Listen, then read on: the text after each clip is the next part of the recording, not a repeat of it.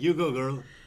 Dobrodošli v podkastu spletne postaje Metina Lista. Metin Čaj je podcast o dobrih in slabih praksah v medijih, o novih tehnologijah in trendih prihodnosti. Gostje so profesionalci, ki vejo, kaj govorijo, v medijih delajo, z njimi živijo in o njih razmišljajo. Podcast kuhava Nataša Briški, Metina Lista in Aljaš Pengal Bitenc. Radio Chaos, na Twitterju sva Afna Pengovski in Afna DC43. Aljaš, dobrodošli v številko 44. Izračunal nam je Slavko, da imamo na 14, 24, 34 uh, pare ne, v studiu. Ja, Tako da mu bova zdaj malo zmešala štrene, bo mogel poslati, poiskati drug vzorec. samo druga premutacija vzorca. Ja. Ne? Um, preden greva na gosta, mi povej, ali jaš, gost, sem ujela, sem ujela tvoj zadnji post tudi. Uh, kako si videl ta poskok in juriš kolegov na objavo supervizorja in uh, milijarde, ki se cedijo in so samo redkim na voljo. Uh, jaz moram reči naslednje. Ne? V sredo, če se ne motim, je prišla novica ven, v četrtek smo že glave zahtevali, v petek so bili že prvi odstopi na pladnju. Ne? Nekako tako je šlo. Ja, ja, ja nekako tako. je šlo, Dejstvo ja. pa je, da smo dobili samo gole številke Mhm. in nikakršnega konteksta. Ja, zdaj ta kontekst se mečkan razčlenjuje, ne, v, v, v, sem se razčlenjeval v, v dnevih, ki so sledili. Zdaj, tle sta dve, mislim, dva vidika. Ne. Eno je ta politični in predvsem vidik odstopa, ki ravno predtem smo začeli snemati, en blog post, publish pritisnil, sem ga pekel že en, en, en teden. Uh, ta od, pod- od posledice tega odstopa znajo biti dosti hude, pa ne zaradi odstopa samega, ampak zaradi um, precedensa, ki ga, ki ga, ki ga je sprožil. Uh, o tem morda več, kja, kje druge, kdaj drugič. Uh, kar se tiče pa medijskega, um, medijske obravnave teme, je pa tako. Jaz Ne mislim, morem- da je bilo na poskoku. Jaz mislim, da tako, jaz ne, ne bi se pod vse podpisal. To je tako, taka generalna uh, tale. Ne. Uh, Mislim, da je bilo zelo veliko pravičništva, zelo veliko, um, kot se je reklo, na, na poskok, na prvo žogo. Um, hkrati pa je vendarle uh, nekje vmes bilo zaznati, da gre za, neko, za nek sistemski problem. Ne. Uh, za sistemski problem urejanja visokega šolstva. Ampak to, veš, to se mi zdi, da so to stvari. Da, to je točka, kjer se pač v slovenskem žurnalizmu vedno večkrat uh, pokleknemo oziroma, oziroma se spotaknemo. ne. Veš, ker ni časa, volje, energije, znanja za to, da bi temu razdelil do konca v smer, ki se ti sama nakazuje. Ne. To je eno. Drugo, ne, ki pa je, ki je pa mogoče še hujš. Um, ne vem, če nismo že v tem podkastu ali pa kje drugje, si ti, ki je druge delala. Težko od ljudi, ki naj bi bili varuhi um, um, javne besede in, in, in pač, um, pač javnega interesa, novinari, medici, ne, ki pogosto sami sebi težko zagotovijo eksistenco.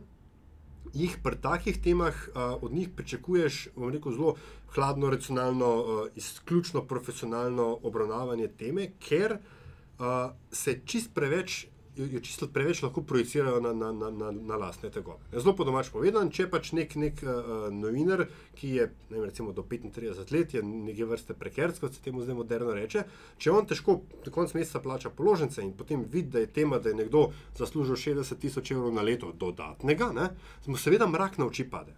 Ja, ampak zato imamo urednike. Ne? Zato imamo urednike, Glej, o- da, o- ja.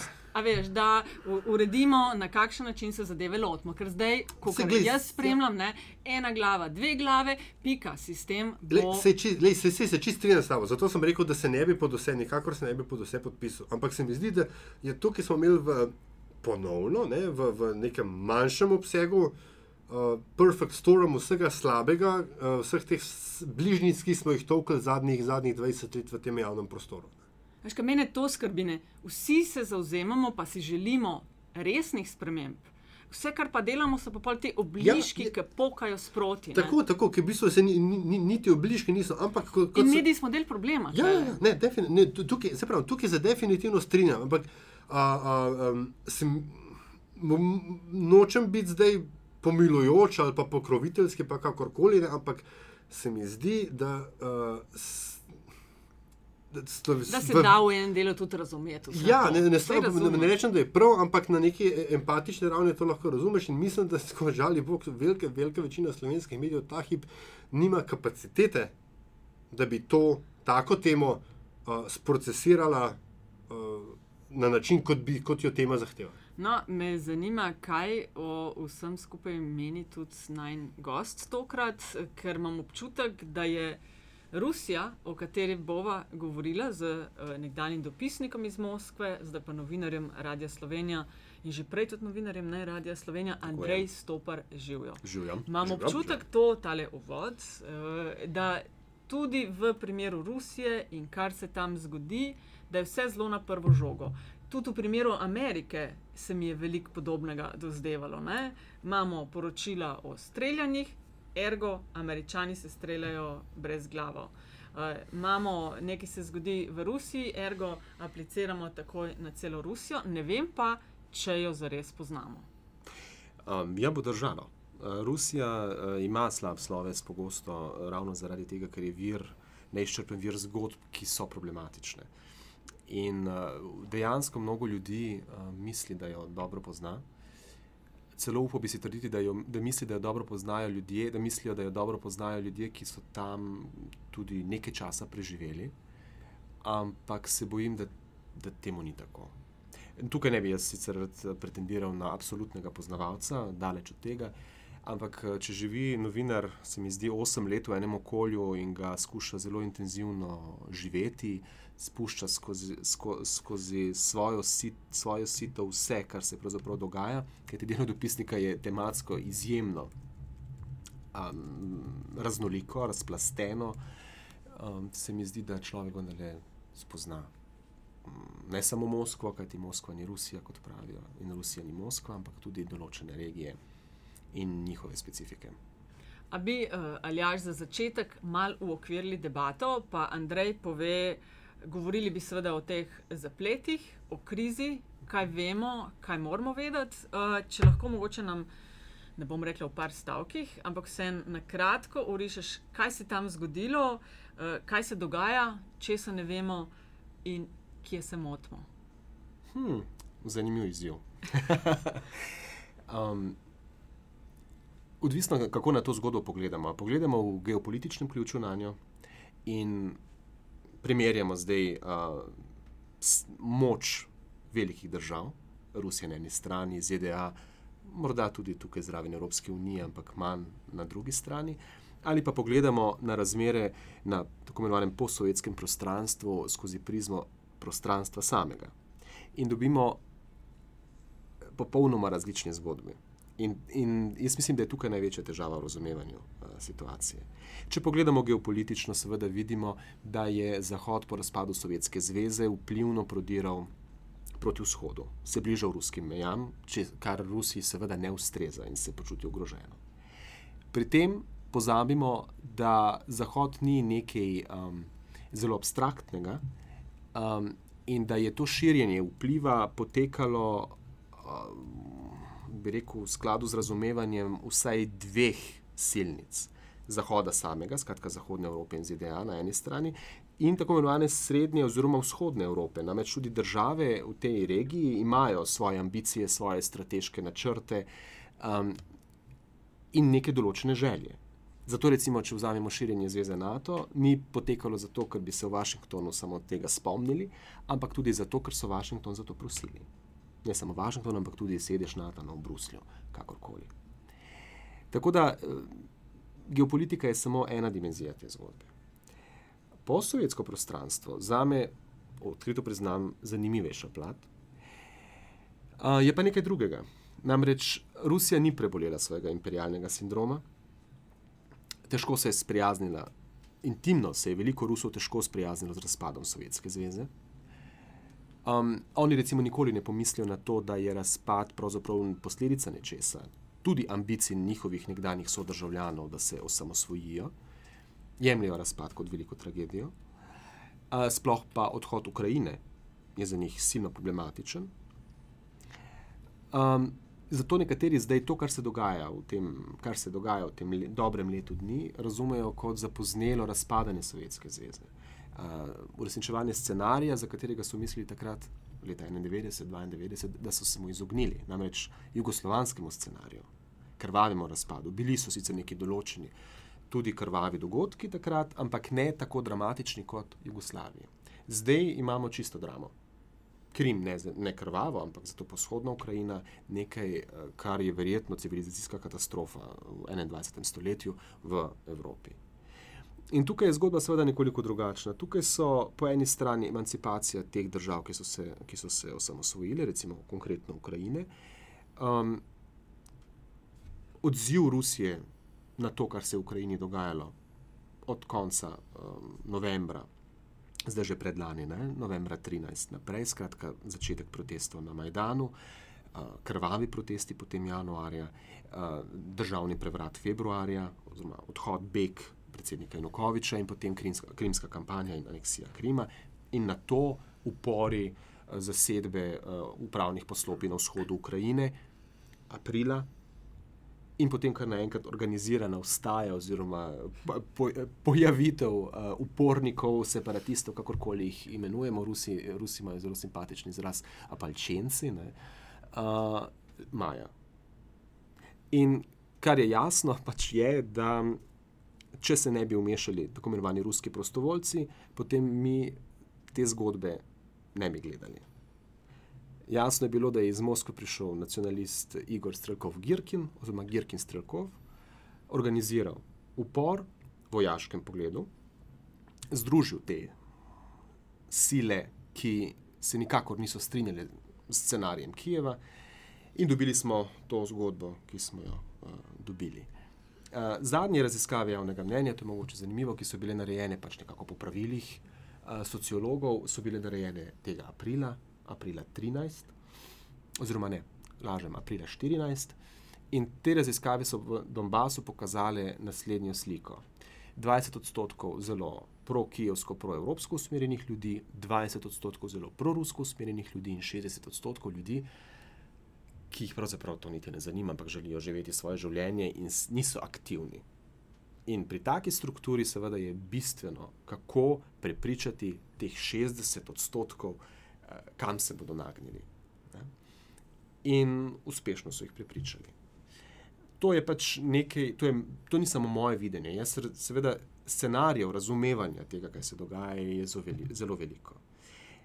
Ti scenariji se oblikujejo pod vtisom, kako mi razumemo situacijo tam in um, v katero smer se nagibamo v tem geopolitičnem pogledu. In tudi koga beremo, katere kanale Seveda. spremljamo. Seveda, ampak uh, za medije, recimo za, za, za novinarje, je to uh, čista groza. Uh, namreč obe strani sta argumentativni krok sklenili popolnoma. Predstavljate neke dokaze. Um, na spletu nič, nič koliko filmov, posnetkov, um, analiz, um, nekih, rekel bom, kvazi dokumentov, ki pričajo o nečem. Ne?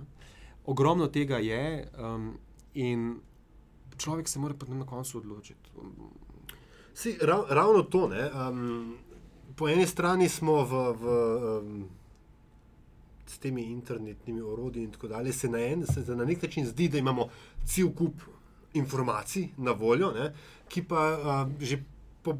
Prvič, ko že nekaj pogledaš, kakšen vir, odkot so, ali pa ko se zdi, da so vir, pa se v bistvu na, na koncu sklicujejo na nekaj drugega, ne, so dvomljive kredibilnosti. Ne. Po drugi strani imamo pa, kot se je rekel, zelo dobro, tudi sproducirano na, na obrtniški ravni narejene stvari, ki izgledajo prepričljivo. Ne. In tako, veš. Jaz sam, sam zase si mogoče domišljam, da kaj vemo o zgodovini povojne Evrope, pa tudi, tudi tem delu, pa, pač predvojne Rus, eh, Rusije, pa Sovjetske zveze in tako dalje. Ne? Ampak na koncu, potem, ko, ko se staviš, eh, eh, ko si poslušaš razumeti to zgodbo, veš, edini zaključek, ki je zelo verjetno napačen ne? in upam, da me boš popravil, če je, je, da imamo na eni strani neke rahlo fašistoidne elemente v Kijevu, ne, ki, se v, ki se v bistvu bijajo z ravno tako rahlo fašistoidnimi elementi v Moskvi, vmes pa narod. Ne? Uh, ampak se pravi, to je zdaj tak moj, zak, veš, upam, kot sem rekel, upam, da boš popravil. Ampak uh, vloga dopisnika ne, ali pa vloga nekoga, ki je iz tretje države tam, da pojasnjuje to zgodbo, je verjetno toliko bolj pomembna in v takem primeru še dosti bolj težja, ker imaš. Če si recimo v Moskvi, imaš verjetno omejen dostop do ukrajinskih virov in obratno. Ne, niti ne. Uh, okay. Gre za splet, ki je enak, tako rekoč, enako dostopen tukaj in tam. Razen na kitajskem. Razen na kitajskem, pa če govorimo o Moskvi, recimo v Moskvi lahko jaz prebiram iste ukrajinske vire. Kot okay. jih prebiramo v Ljubljani. Ne. Težava, ki jo jaz vidim, je pač ta, o kateri si ti govoril. Preprosto informacije je preveč.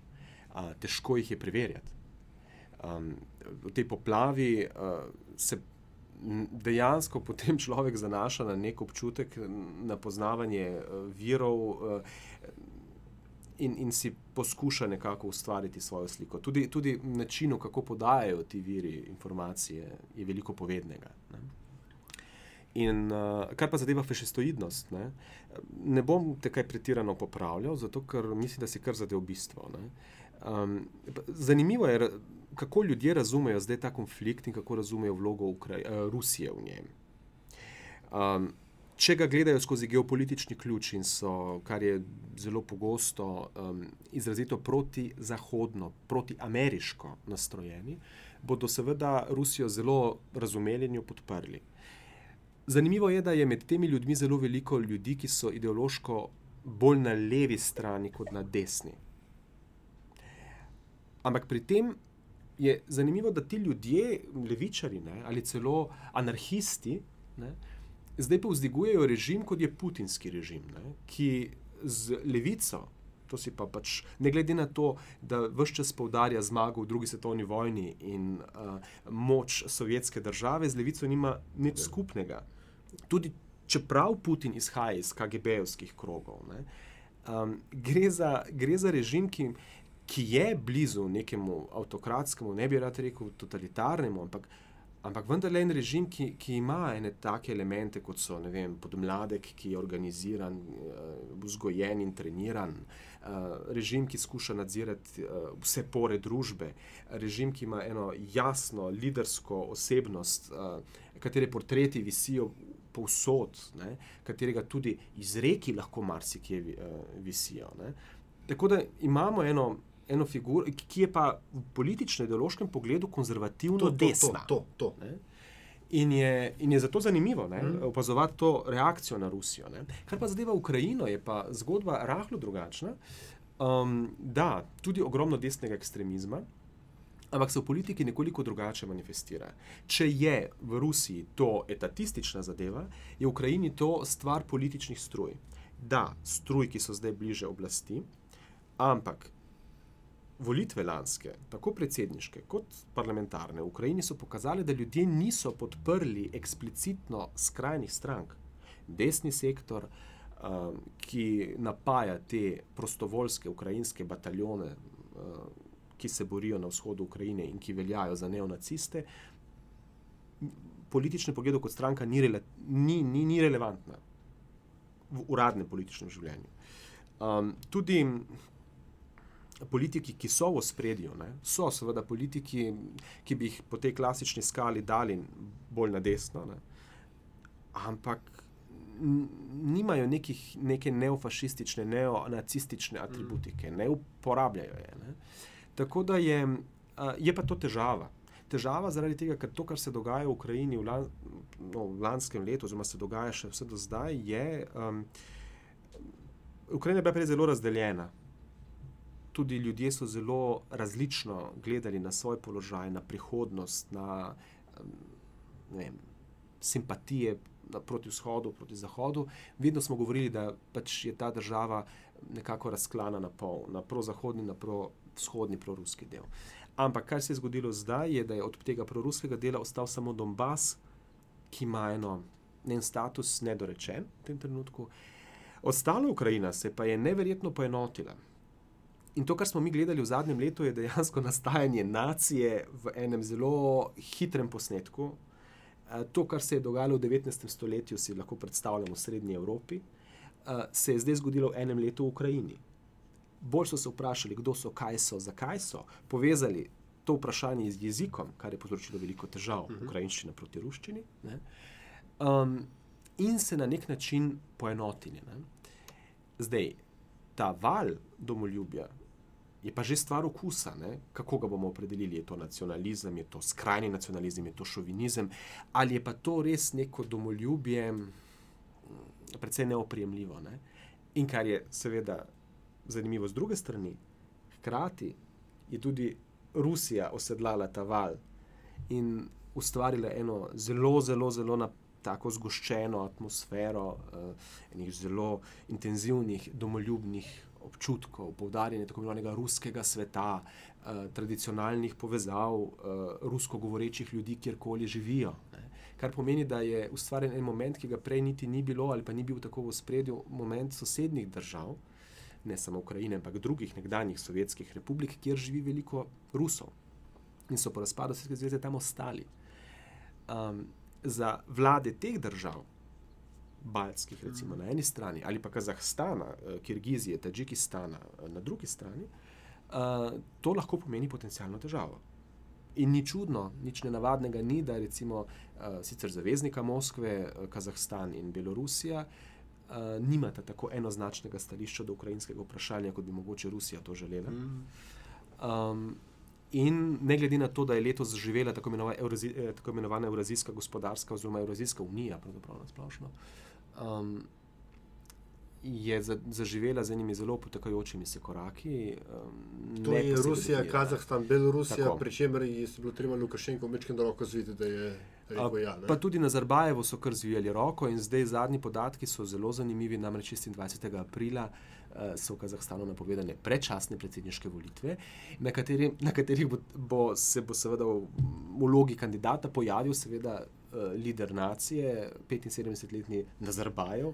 Ki, seveda, ki lahko vodi državo. Ne, a, absolutno, ne, se bo imel proti kandidate, ampak vsem bo jasno, da zdaj, um, če gledamo na gradacijo te vzhodne azijske mentalitete voditeljev, eh, če se pojavijo večkrat na teh formalnih volitvah, vsakeč morajo imeti višji odstotek podpore. Ne, glede na to, da je imel Nasutan Nazarbajev podporo že na 90, uh, dvakrat, ne, 91, mislim, da 95, se bodo zdaj morali zelo potruditi, kako bodo zdaj ustvarili nekaj, kar ne bo preseglo 100.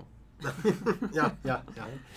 In, uh, in, ampak to ni na ključje, da gre Nursultan Nazarbajev predčasno na volitve. Um, Evrazijska unija je projekt, ki je na zunaj uh, lahko privlačen, lahko nekateri v njem vidijo zametke nove Sovjetske zveze. Ne? Ampak eh, v kontekstu tega, kar sem govoril prej, namreč o, v kontekstu rusko govorečih prebivalcev, eh, prvič ni bilo na ključe, da je 97. leta bila prestolnica pre, eh, preseljena iz Almatija v Astano, na sever, kajti na severu Kazahstana živijo Rusi, mhm. predvsem. Ne? In uh, mnogi razumejo to, ta manever z predčasnimi volitvami, pravzaprav v luči uh, um, mobilizacije tako imenovanega ruskega sveta. A bi ti rekel, Andrej, da so razmere v regiji resne, ali uh, so vendarle poročila o dogajanju pretirana? V kateri regiji? Rusija je vse, kar je tam okoli. Rusija, Ukrajina. Ne, vprašal sem namenoma zaradi tega, ker odvisno, kaj misliš. Misliš na Srednjo Azijo ali misliš na Ukrajino? Mislim, to je zdaj, tukaj je zdaj razlika. Ja, mislim na Ukrajino, na uh, razpadanje oziroma večanje ruskega imperija, na uh, vključevanje uh, zave, mislim, Zahoda, Evropske unije, sankcije. Uh -huh, uh -huh. Zdaj, če govorimo o ruskem imperializmu, jaz bi bil tukaj zelo previden. Um, zaenkrat, zaenkrat ne vidim imperializma v klasičnem smislu uh, širjenja ozemlja, ne glede na aneksijo Krima. Um, gre pa nedvomno za mobilizacijo vpliva, oblikovanje interesne sfere. To pa mislim, da je. Ja. Um, zadeve so resne. Resne so predvsem za nas, za našo regijo, zato ker se dogajajo v naši regiji, na kar mi pozabljamo. Naša regija sicer je interesno eh, zelo razcepljena, nimamo nekih, nekega enotnega imenovalca, nekega enotnega značaja, ampak mislim, da bi se znotraj srednje in vzhodne evropske regije, mi morali bistveno bolj pogovarjati in usklajevati, kajti mi imamo vojno v naši regiji. In to je resna zadeva. Resna zadeva je tudi v mednarodno-pravnem pogledu, kajti zgodilo se je, da je velika soseda preprosto anektirala del uh, ozemlja svoje sosede. Kakorkoli je to motivirala, kakorkoli je to uh, potem upravičila v pravnem pogledu, um, je to dejstvo. In nesporno je res, ne glede na to, da v vzhodnji Ukrajini formalno, uradno ni ruskih vojakov, uh, uporniki, ti nekdani rodari in traktoristi, o katerih je govoril Vladimir Putin, seveda ukrajinske vojske, ne glede na to, kaj si mi v ukrajinski vojski mislimo, ne bi mogli poraziti. Ti uporniki, torej rodari in traktoristi, ki ne bi formalno našli orožje. V arzenalu, ki ga je za sabo pustila ukrajinska vojska, za katero po drugi strani govorijo, da je zelo slabo opremljena, orožje je pa najsodobnejše. Te zgodbe, ti, ti, ti zgodbi se ne skladata povsem. Ne? Predvsem pa uh, govorimo tukaj o delovanju precej zapletenih, zapletene, težke oborožitve, za katero je treba biti izurjen, da se da rokuješ z njo. Ne? In noben, tudi še tako domoljuben in pravi moški, rudar, tega ne zmore. Tako da jaz osebno ne dvomim, da so ruski vojaki na vzhodu Ukrajine. Res pa je, da niso tako, kot bi mogoče nasprotniki Rusije jih radi videli. Ne? Namreč, da, da, bi, da so z vsemi svojimi enotami uh, frontalno udrli v državo. Tako pa ne. So pa kot prostovoljci, ki so. Ampak, to, kar si pisal v zadnji kolumni. Tako, ne? Ne, ker je kar nekaj v ruskih medijih, v ruskih medijih intervjujev z fanti, ki se kot prostovoljci formalno borijo v Ukrajini. In tam je jasno, da so po trije, po štirje ali pa po skupinah iz svojih enot, da so prišli uh, na vzhod Ukrajine. Ne? ne kot cele enote, ampak kar naenkrat so se znašli fanti iz najrazličnejših delov Rusije, katerih skupni imenovalec je, da so služili vojsko v isti enoti. No, pa Sam to rečeš. Ja. Ko si govoril o inflaciji informacij, kateri so pa tisti veri, ki jim ti, recimo, da najbolj zaupaš? Ne jemliš, ne rečem za sto odstotno, ampak da veš, da boš razmeroma spodobno sliko dobil. Če lahko, mogoče par na svetu, mhm. glede spletnih strani. Jaz, uh, moj prvi vir so pač agencije na obeh straneh, tudi državne. Da preprosto vidim, kaj se dogaja in lahko primerjam, kako agencije, ki naj bi načeloma informacijo posredovali brez nekih kontekstov in namigov in komentarjev, kako gola dejstva posredujejo. To je zelo povedno. Potem imamo pa na vsaki strani uh, nekaj medijev, ki jih redno, uh, redno spremljam, uh, zmeraj pogledam, kaj pač pišejo uradni časopisi, kot sta ne vem, kot je recimo Rasijska gazeta v Rusiji, to je sploh vladni časopis, ki je časopis plus igra vlogo uradnega lista. Um, pogledam, uh, kaj strukturo novic uh, na televizijah, uh, potem imam pa nekaj časopisov, ki jih redno berem, Komersant, Gazeta. Uh, Um, nova gazeta, ki je sicer zelo proti-kremeljska, uh, pa nekaj portalov, kot so Lenta, Slon in podobni na ruski strani, na ukrajinski pa jih je tudi kar nekaj. No, uh, različnih agencij, Unijan, recimo, eh, ogromno piše, mm, eh, zrkalo nedelje, nekaj je. No. In, ampak se pravi, si pač lahko ustvarim neko podobo na podlagi množice teh pogledov, informacij in ljudi, za katere nekako vem.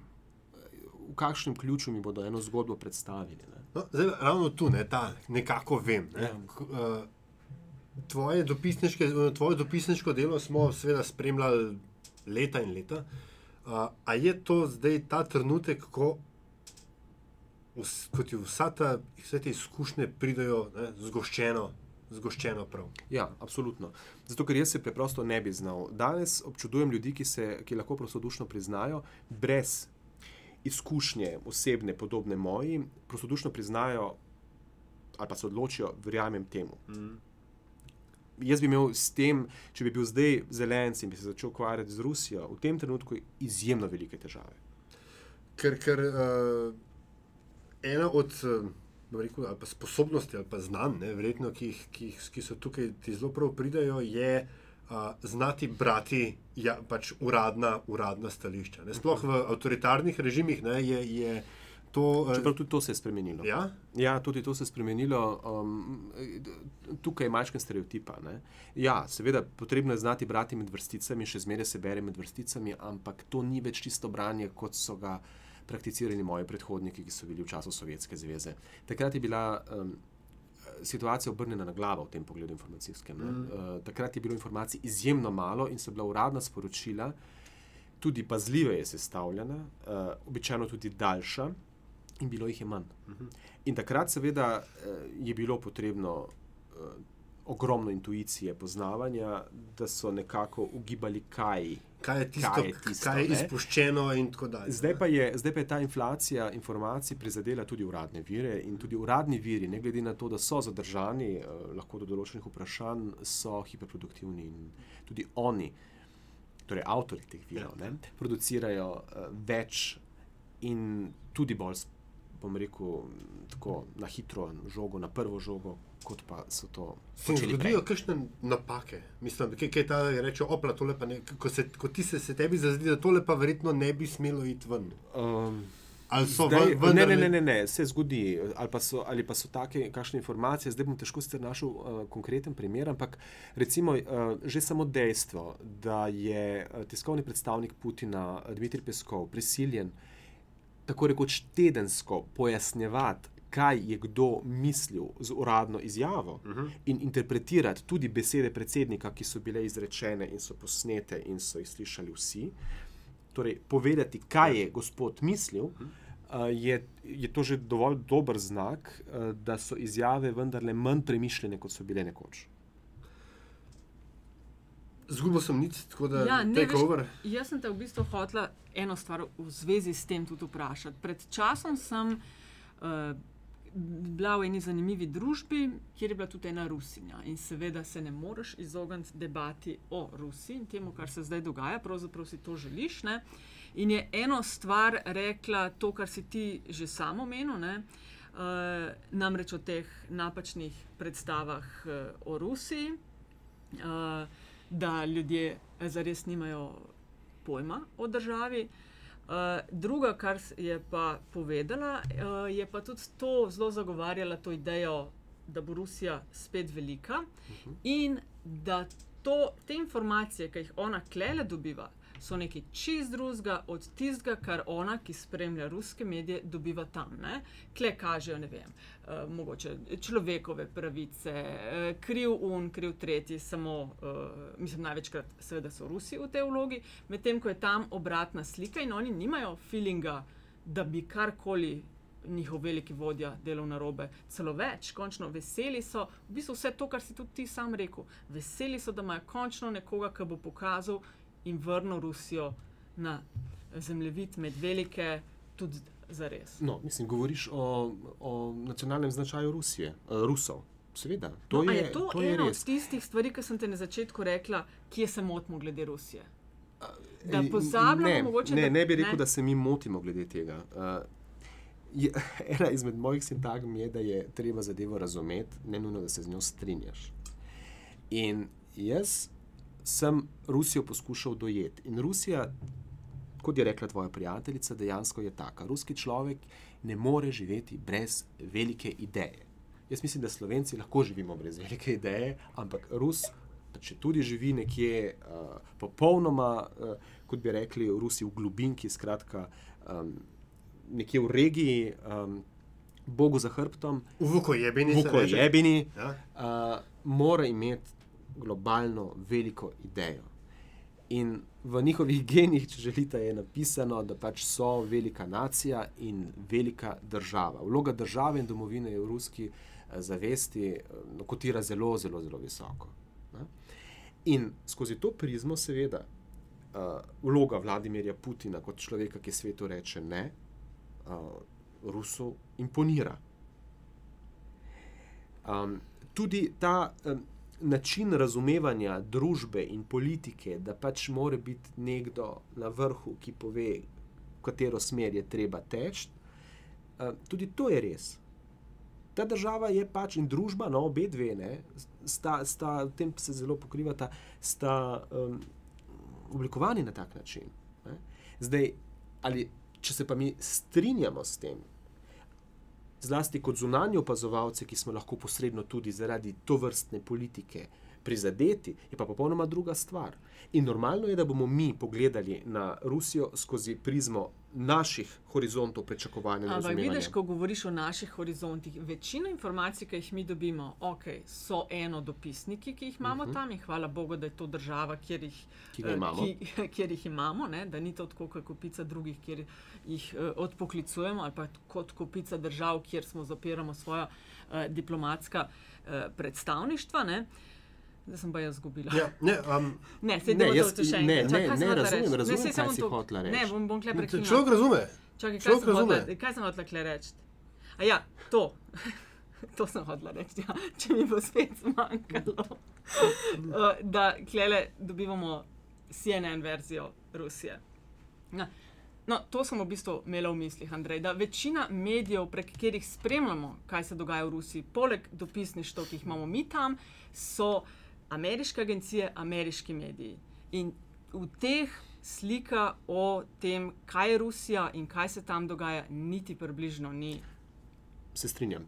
Se strinjam, ampak tukaj je ena druga težava, na namreč to me sprašujejo ljudje vse čas. ne.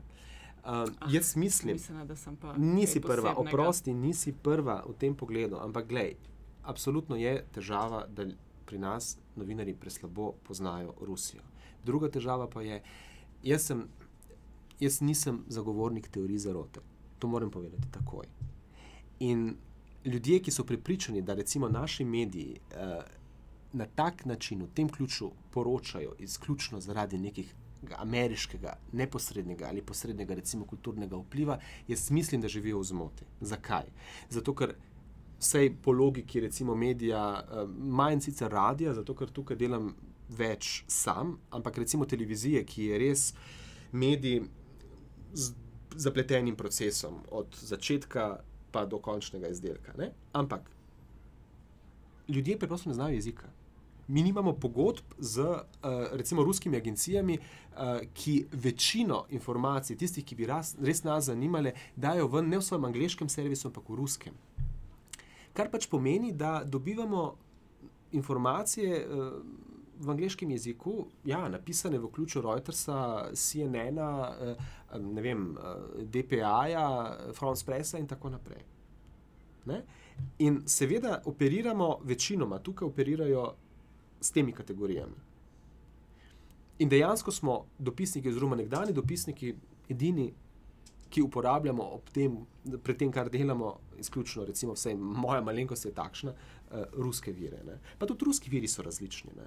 Če bi ta prijateljica, o kateri si prej govorila, oziroma znanka, uh, pogledala različno paleto medijev, ruskih medijev pri sebi doma, bi dobila zelo različno sliko. Ampak, ok, različnih, večina pa verjetno eno in isto. Seveda. Seveda, tam velika večina ljudi osnovno informacijo dobi ne iz spleta, ampak iz televizije.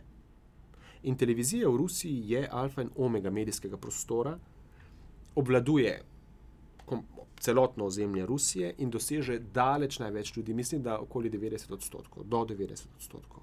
Za, to so sicer stari podatki, ampak mislim, da je bilo 85 odstotkov ljudi osnovno informacijo črpa iz televizije. In ruske televizije so to odlično dojele. In informacija, to sem pa pripravljen trditi, ki jo pa ljudje dobijo z ekranov ruskih televizij, tudi še zdaleč ne ustreza stvarnosti. Ne ustreza stvarnosti.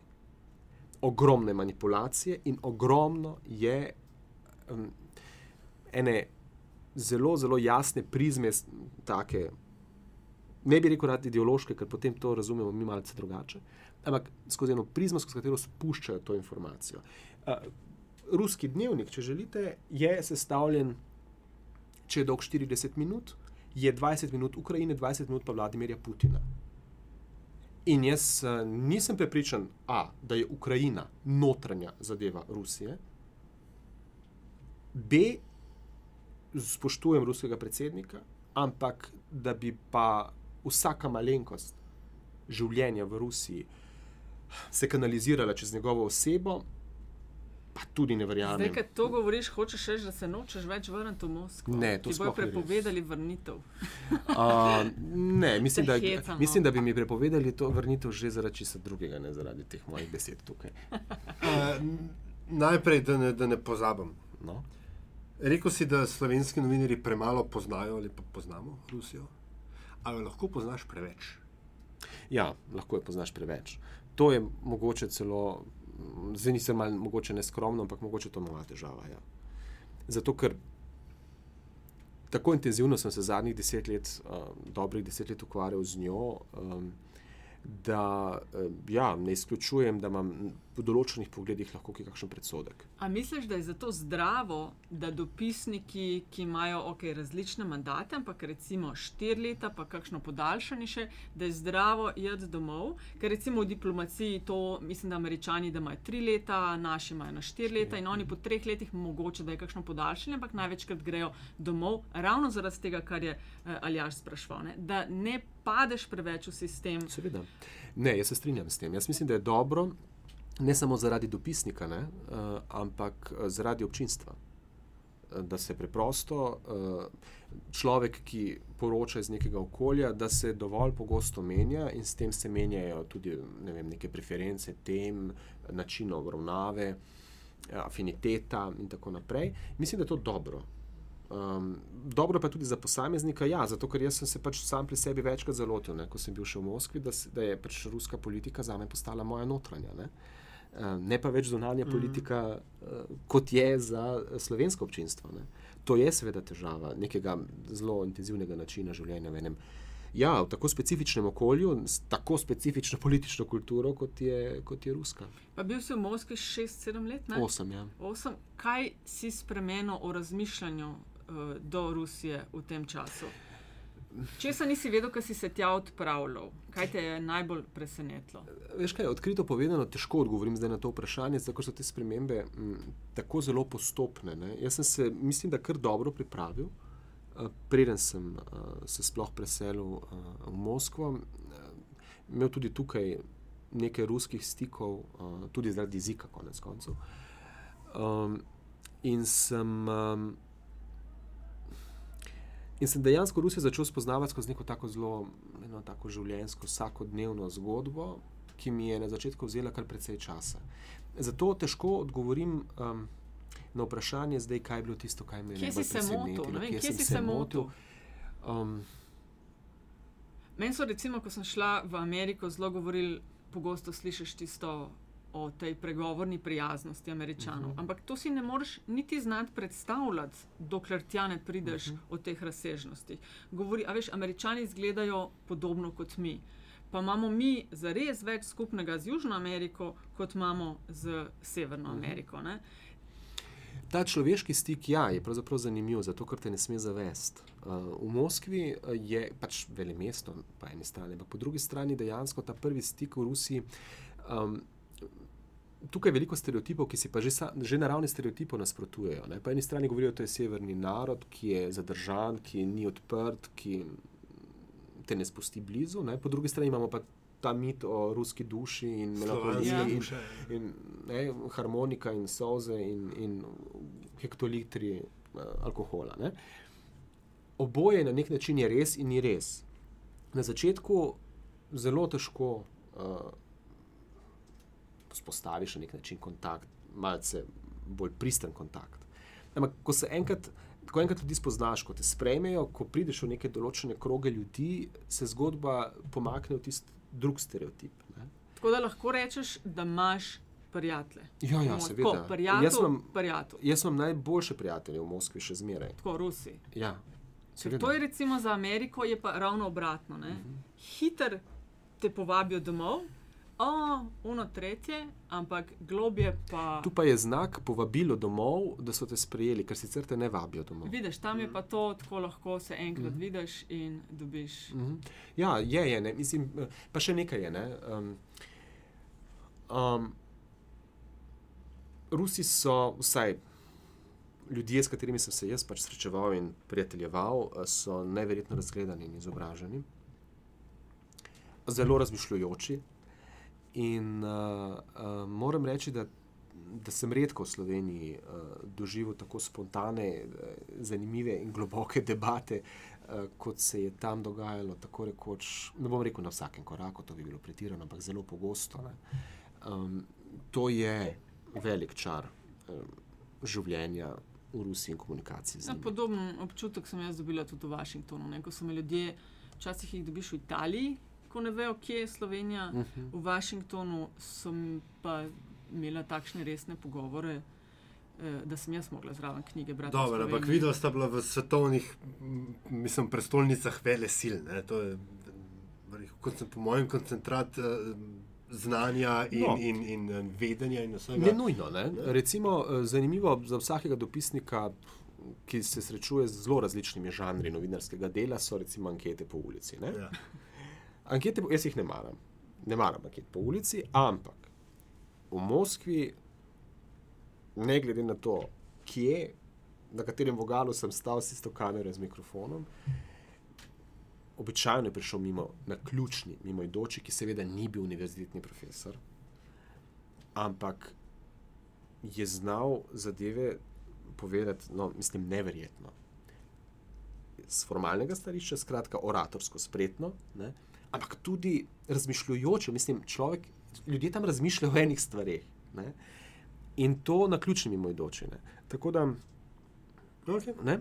V redu, šteje. No, nekaj, de- dajmo še malo pravljati, preden se vendarle Pa daj. premaknemo. Yes, ne. končno. Um, ali pa eh, na družbenih, družabnih, socialnih omrežjih uh, je zelo, so zelo popularni klipi uh, RT-ja.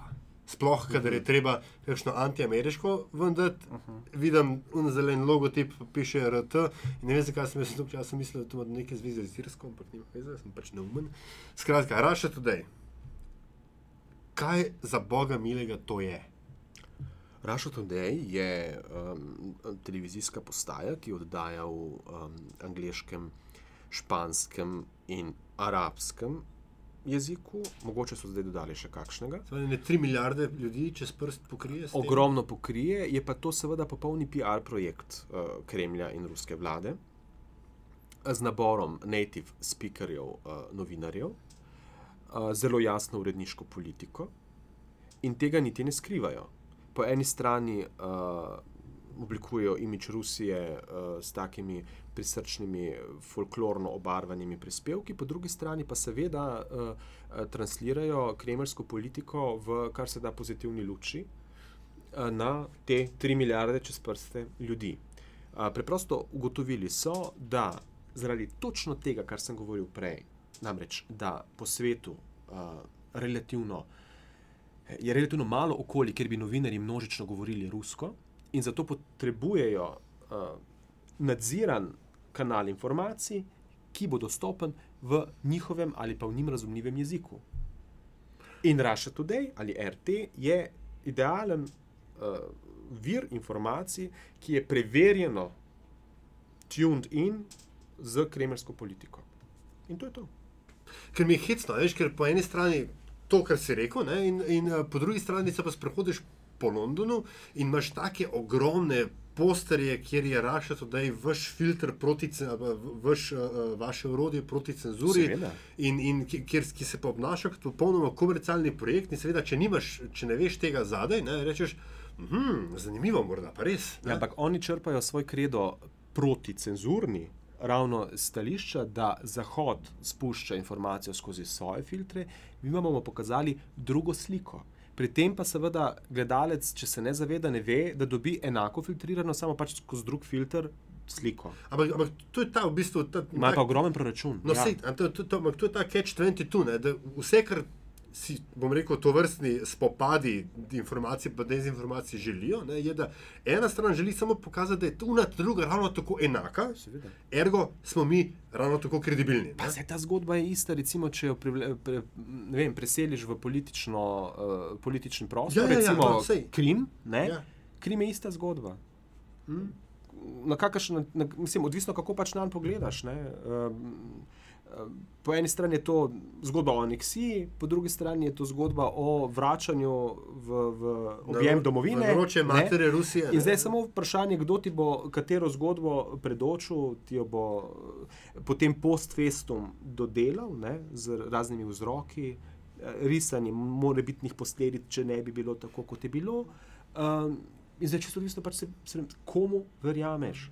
Pravi, Za zaključek govorimo o neodvisnem novinarstvu, Ja, ampak- ne? Ampak recimo, pazi, vinjeta, ne, a veš, pa, pač malo tangencialno na celo debato. Veš, ko, se, ko so delali Al Jazeera, mogo- mo- mogoče imamo malo nekega rasizma. Ne, mm.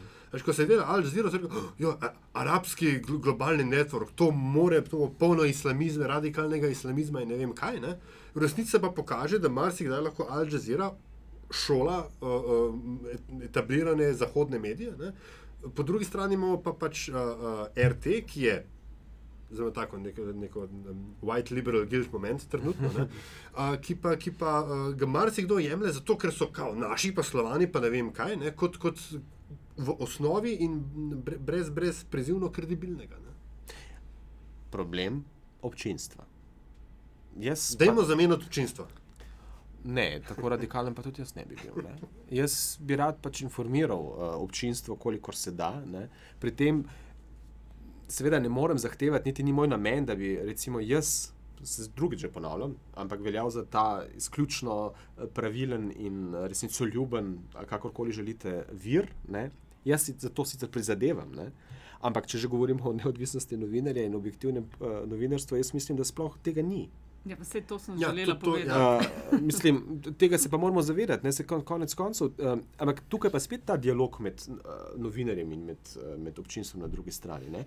K kako blizu bo novinar s svojim stališčem določenemu. Določeni skupini občinstva, bolj bo veljal za objektivnega. Ja, to je res. In manj, dlje stran je bolje vem, podkupljen, nespo, nesposoben. Uh, plača. Ne Plača, vem, če ja, si opazil, ne. Aljaš, sva dobila prav na en, na en komentar na eno od uh, najnih epizod. Uh, A sva plačana? O, ja, mal sva. Nič mi ni, ki, Ja, kje vam jaz, kje, kje, kje se, kje se meni kaj pozna? Kje se meni kaj pozna? se tudi jaz več čas sprašujem, kje je, tist, Ja. kje je tisto nakazilo. Ne? Ja, Mogoče pa zdaj v zanimivosti o tem. A gremo na zanimivost? a? dajmo, ker je Okej. glih ta prava Eh, ura. Andrej, končujemo podcaste vedno s tem, da vprašamo goste, da povejo nekaj, kar moramo vedeti, pa mogoče ne vemo. Lahko je povezano s tvojim delom, lahko je nekaj X, lahko je z Rusijo, lahko je s tem, kam bo šel jutr, uh, na katero dopisniško mesto, karkoli. A. Kaj bi želel? A te zanima to, da bi A. še kdaj bil dopisnik? Uh, ja, razmišljam o tem. Ja. Katere lokacije? Razmišljam o tem, uh, zdaj se igram z idejo, da bi šel v Rim. V Rim. Ja. Ampak to je zdaj še vendarle na, eni fazi ideje. Nisem se še posebej odločil, ali se bom uh, podal to ali ne, ker je nekaj izzivov tudi tukaj uh, v Sloveniji uh, zaenkrat, tako da celo to se zna zgoditi. Ja, lepo. Uh, tako Vse da ne vem, je, ne vem, če je pravzaprav kaj tako zelo uh, ključnega, nujnega, kar bi morali vedeti, pa ne veste o meni. Ne, ni o tebi, ni, ne, ne rabi to biti Em, povezano s tabo, direktno osebno. Ne, a veš. Tako da ne, ne, ne. Kaj pa vem, mogoče. A je kakšna takšna stvar, ki bi jo želel deliti? Se ti je kaj zgodilo v času dopisništva v Rusiji? Pa ni. Pri, ja, nekaj povem do konca. Ne, ampak to se te hotel misli vprašati. Vem, da je Putin na eni tiskovki, mislim, da je v njegovi premijski epizodi, kregal enega slovenskega novinarja, misliš, da je iz Slovaške. A je bilo obratno? Uh, to sem bil jaz. Ja. To sem bil res jaz. Ja. Ne, tale, ta zgodba s Putinom je bila zanimiva. Ja, to je bilo v času, eh, mislim, da druge plinske vojne z Ukrajino, kjer so seveda spet ustavili tisti tranzit plina. In je bila sklicana eh, res ta, tako srečen z novinarji, v bistvu niti ni bila klasična novinarska konferenca v Novogarjovem, to je njegova rezidenca pri Moskvi. In se spomnim tega prostora, bil je tak zelo tak ozek, dolg prostor, s tem primerno osko in dolgo mizo, kjer je bil sedežni red. In smo se pač morali usesti tja, kjer je stalo ime. In moje ime je bilo direktno vizavi Putina. Skratka, na skratka, meter razdalje Imaš mano fotko od tega? nimam. Ah. Nimam fotke, ampak snemalec je bil tako s kamero za, mojim, za mojo ramo. In ko sem jaz postavil vprašanje, seveda je izgledalo, kot da se jaz z njim pogovarjam, in, Eno ker, je, ker je fant znal kadrirati. Ne. Je res izgledalo, kot da delam ekskluzivni intervju. In res se je zmotil. Ne, eh, ker je razlagal, takrat je bil pri nas premijer Pahor ne, in je razlagal, kako se je on pogovarjal z našim vodstvom in kako je pri nas grozno, hudo in mrzlo in nimamo plina. In jaz sem se spraševal, zakaj z tega ne vem. Ne? Zakaj ne vem, da je on govoril z vodstvom, našim, ne? Komorkoli. No, na kar se je izkazalo na koncu, da je govoril s takratnim premijejem Ficem, slovaškim. Ne? In zgodba je bila super, ne? ker je izgledalo pač kot teta tet intervju, v katerem je on sploh pomešal države, iz katere prihaja novinar. Ne? Dober gek, ja. To je bila ena, ena prijetnejših takih epizod. to se mi pa vseeno zdi blazno zanimivo. Koliko novinarjev vas je bilo v tej sobi skupaj s Putinom? Kar velik, ker je tujih dopisnikov 50. veliko. Ja, recimo. Vse so to, Aha, to je bilo tiskovna Eh, konferenca. Mogoče za- 50 malo preveč, ampak ja, ja, ne vem, ne spomnim se točno, ampak ja, veliko ljudi, no, veliko Aha. novinarjev. Ja. Tako odprta. No, tega nisem bila izvajena iz Washingtona, je bilo vse zelo ekskluzivno. in Do, da bi uh, kateri koli slovenski novinar ali pa kateri koli, ki ne prihaja iz Združenih držav, pa mogoče iz Velike Britanije ali pa Francije, sedel sploh tako blizu ameriškemu Se predsedniku. običajno je- se tudi v Rusiji to ne dogaja, ne? ja. ampak mislim, da je bil, bila to mogoče bila celo tako, ne? narejena napaka, ne hote, ker so tudi njegovi pomočniki mislili, da sem jaz iz Slovaške in Slovaška je bila takrat v plinskem pogledu res zelo problematična in mogoče sem zaradi tega tudi jaz sedel tako blizu. Ne? Um, ampak ne, dejansko je ta dvorana v Novogorjovem ni klasična novinarska pres uh, dvorana, ampak je salon. Ne? In eh, konferenca je bila res zelo hitro eh, sklicana, in povabili so dejansko, mislim, da samo evropske novinarje. Ja. Ali celo srednje, ne, evropske.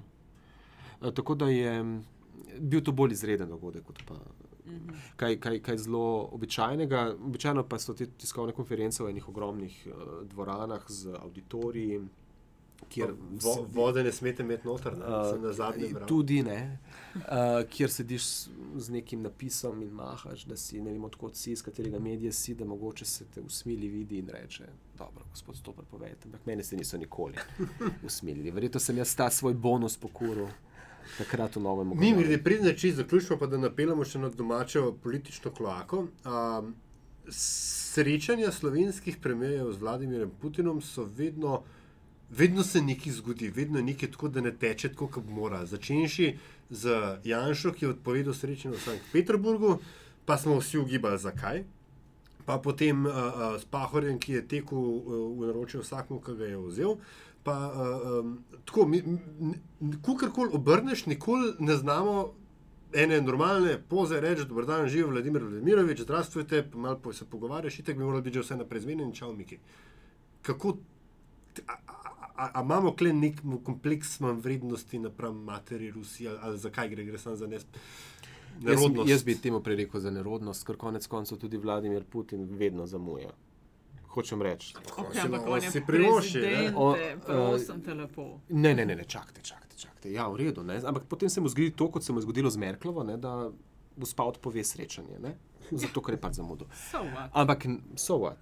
Ampak ne, jaz mislim, da je to v bistvu bolj uh, spletenih uh, okoliščin. Ja, mogoče neke določene nerodnosti, ampak jaz bi tukaj vendarle postavil širši kontekst, da se dogajajo podobne stvari tudi pri srečanjih z drugimi državniki. To vrstne ekskluzive pa tudi mi ne moramo imeti, uh, slovenci, kakorkoli že. Mislim, da ne. Nespretnosti je bilo pa veliko. Ja, to pa, to pa. Um, a sva te prekinila, ta zanimivost je bila super. A si imel kaj drugega še na lagerju, da ne bi brez tizga ostali? Eh, Bomo ostali brez tega. Škoda. Sorry, sorry, zamočil sem. evo. Škoda, Mislim, mislim. ko ugasnemo mikrofon. Uh, Andrej, hvala ti, ker si bil naj gost. Ja, hvala za vabilo in da ste se spomnili na me. Z veseljem.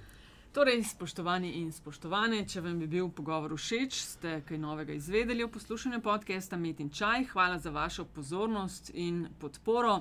Komentarji in vse ostalo dobrodošli tako na družbenih omrežjih kot na e-mail naslovu infoafna.metinalista.si. Na spletni strani pa je priložena tudi povezava, če bi želeli in ustvarjanje podcasta in vsebin na Metini listi finančno podpreti. Hvala lepa. Čau. Prav, že smo plačeni, ali kaj?